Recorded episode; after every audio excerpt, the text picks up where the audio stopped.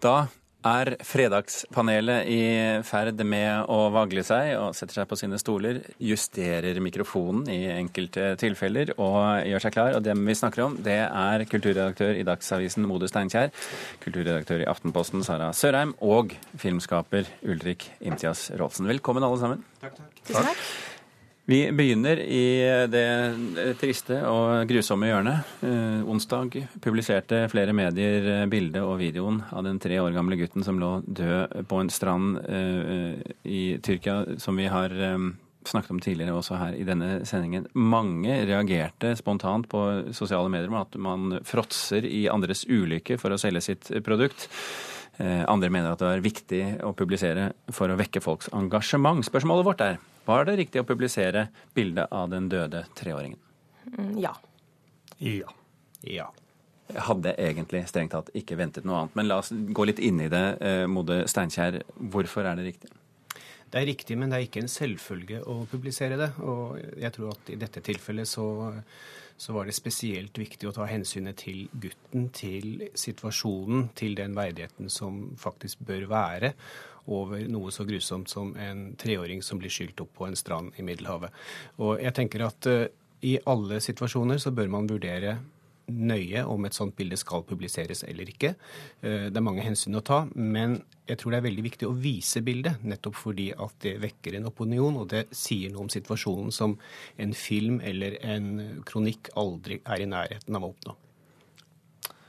Nei, Jeg mener jo at mediene har eh, spilt en veldig viktig rolle i det å, å vekke folks engasjement og empati i, i denne saken. Eh, og du kan alltid kritisere en slags kynisme i det. Men eh, jeg opplever i hvert fall at dette er en, er en veldig veldig alvorlig krise som har pågått altfor lenge.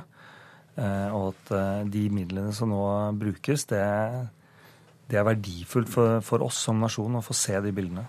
Det vi- synes jo, eh, Sara Sørheim, som en unison enighet i, mm. i, blant norske medier. Redd Barna publiserer ikke. Men jeg syns dette er en kjempevanskelig sak, og det var masse diskusjoner i Aftenposten eh, både i forkant av at vi valgte å publisere noen av bildene, ikke alle, og i etterkant. Og vi justerte faktisk litt på måten vi presenterte bildene på utover dagen i går. Etter å ha diskutert det i redaksjonen, og eh, vi har et sånt fast evalueringsmøte hver morgen i Aftenposten for, for alle journalistene, hele redaksjonen. Og vi brukte hele det møtet i går på dette bildet, og det var sterke reaksjoner. Og det var slett ikke alle som mente det var riktig å vise bildene. Eh, Nå gjorde vi det, og det er en avgjørelse jeg tror var riktig. Men det vi faktisk endret litt på, var at eh, på fronten på aftenposten.no så valgte vi etter hvert å bare vise det bildet hvor du ikke kan kjenne igjen gutten. Og det handler om identitet og også verdighet, eh, men også det faktum at mediene nå er internasjonale. 100 Før så var det eh, ganske med god grunn stor forskjell på hvordan vi behandla bilder av f.eks. da døde mennesker fra land langt unna, eh, og fra Norge. Det var f.eks. ingen norske medier som viste bildene fra Utøya. Det tror jeg var også en riktig avgjørelse. Men nå ser vi at eh, alt er internasjonalt. Eh, dette bildet som vi publiserer, kan like så godt ses i Tyrkia eller i Somalia som i Norge. Men jeg har et, eh, et, en liten ting til som jeg ønsker å diskutere med dere. Hva med eh, eksponeringen av dette bildet for norske barn? Altså tiåringer, tolvåringer, syvåringer? Mone. Jeg tror, tror det er viktig å tenke at, at eh, når, en, når en avis velger å publisere et sånt bilde, enten det er i papir eller det er på nett, så ligger det en nøye redaksjonell vurdering bak. Eh, Jeg tror at da tar man veldig godt hensyn til at man vet det er at hele befolkningen kommer til å se det bildet, altså i alle aldersspenn. Jeg tror det er verre, og jeg kunne aldri tenkt meg å dele det bildet selv på Facebook eller på mine sosiale medier, for da vet jeg ikke hvem mottakeren er. Da vet jeg ikke hvem som får tak i bildet og kan spre det videre. Og jeg tror at det er, er det betenkelige i en sånn sammenheng, at i det, som Sara også sier, i det du legger ut dette bildet eh, på en nettside hvor dette kan da spres videre, så, så har du ikke kontroll på det lenger. Og det er et tankekors. Det er er, interessant å merke seg at det virale amerikanske nettstedet Vox valgte å ikke publisere bildet, eh, fordi de mener at det, det i løpet av den kvelden det, ble, det kom ut, gikk fra å være et journalistisk eh, fotografi til å bli et slags sånn altså Han kalte det voyeurisme, redaktøren der. At, det, at eh, dette mennesket ble til et symbol som reduserte denne guttens verdighet. Jeg er ikke enig i den argumentasjonen, men jeg syns han har noen poenger. Og jeg tror det er bra at vi er litt usikre. Det skal ikke være lett, uh, sånne her situasjoner. Vi setter strek der, Ulrik. Jeg ser at du rakk opp hånda, men uh, vi skal videre. Uh, dette kan nemlig ta tid hvis vi begynner å gå dypt inn i dette. Vi skal ikke gå dypt, men vi skal videre. Selv om det kommer rekordmange norske dokumentarfilmer til høsten, lages det nesten ikke lenger gravende journalistiske dokumentarer. Et demokratisk problem, mener dokumentarfilmskaper og professor Erling Borgen. Spørsmålet vårt til dere, og jeg aner litt svaret her også. Er dere enige med Borgen? Ja. Ja. Nei. Herlig. Bra svar. Skal jeg utdype? ja, kom igjen. Du skal få begynne. Eh, nei, det er litt øyet som ser. Det er klart Den store tendensen både innenfor medielandskapet og, og også det utvida når du går inn i dokumentarjournalistikk på film og i bøker. Vi ser jo at det er mindre penger i omløp. Så det er klart at jeg skjønner argumentet til Borgen.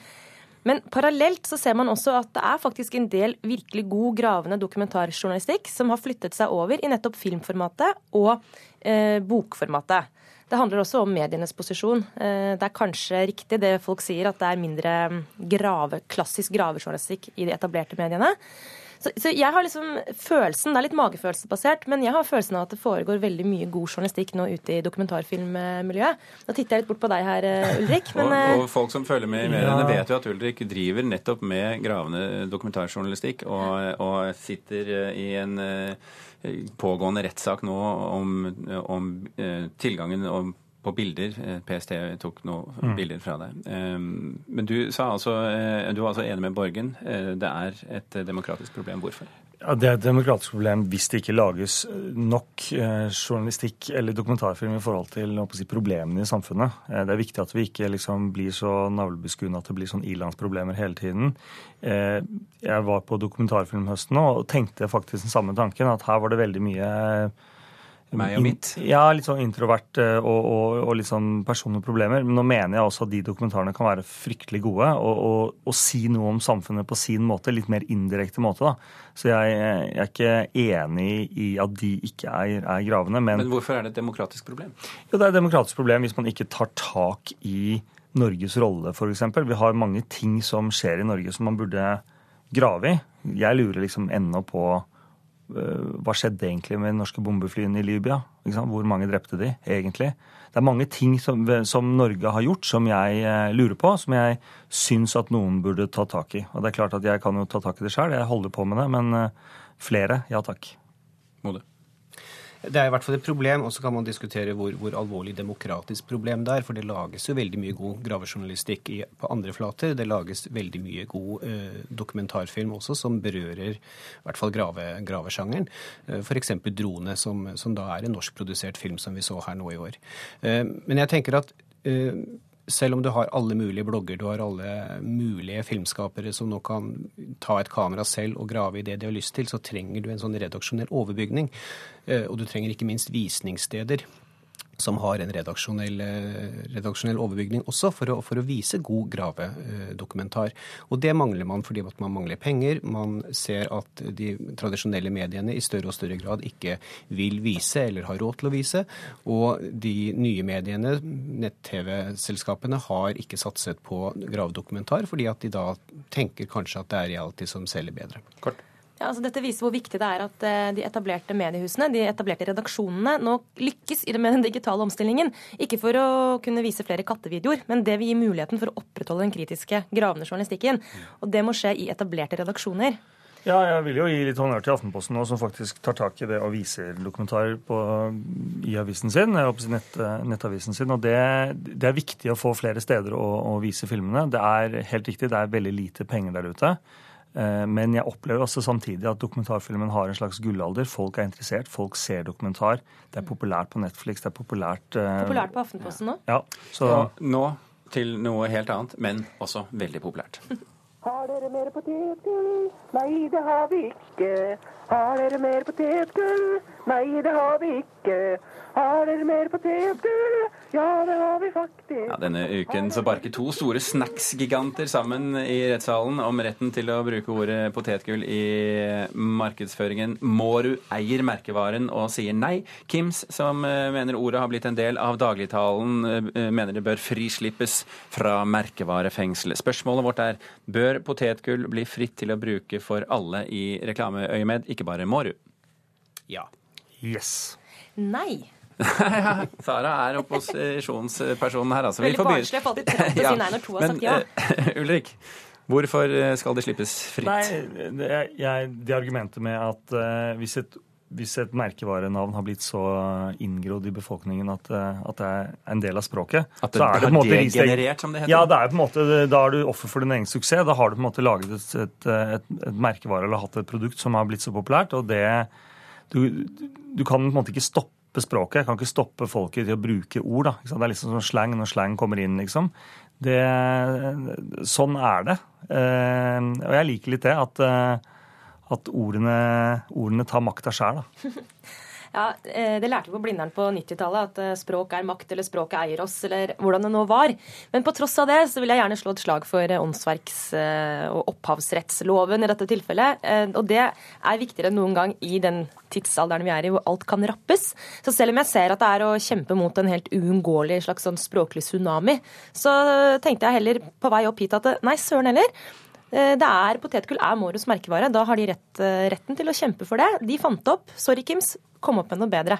Så eh, heia, heia potetgull så må du i dette tilfellet. Jeg venter jo bare på at Kim skal eh, ta copyright på ordet kos, eh, sånn at vi ikke kan kose oss i det hele tatt uten at vi tenker på Kims eller må bruke ordet Kims. Men i denne sammenhengen så har potetgull blitt et ord som eksisterer i det norske språk i så stor grad at å begynne å ta det tilbake, det slår tilbake på Mårud selv. Har dere tenkt litt på det ordet? Det er et så rart ord. Potetgull.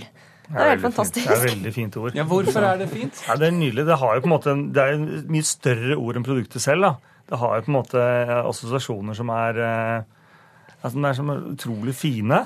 Jeg tenker på Onkel Skrue og pengebingen av en eller annen grunn. Tenker på sånn der, eh, det, Som liten så var det litt sånn stas å spise potetgull. og Akkurat som Ja, det ja, føltes som var litt sånn ekstra fint. Noe Du du jo egentlig selv, ikke er. du ser deg selv bade i dette? Som onkel Skrue gjør? Ikke daglig. Mode, dette er jo dette er store giganter som står bak disse firmaene og kjemper. Det er jo, det er jo mye mer enn en enkel språksak.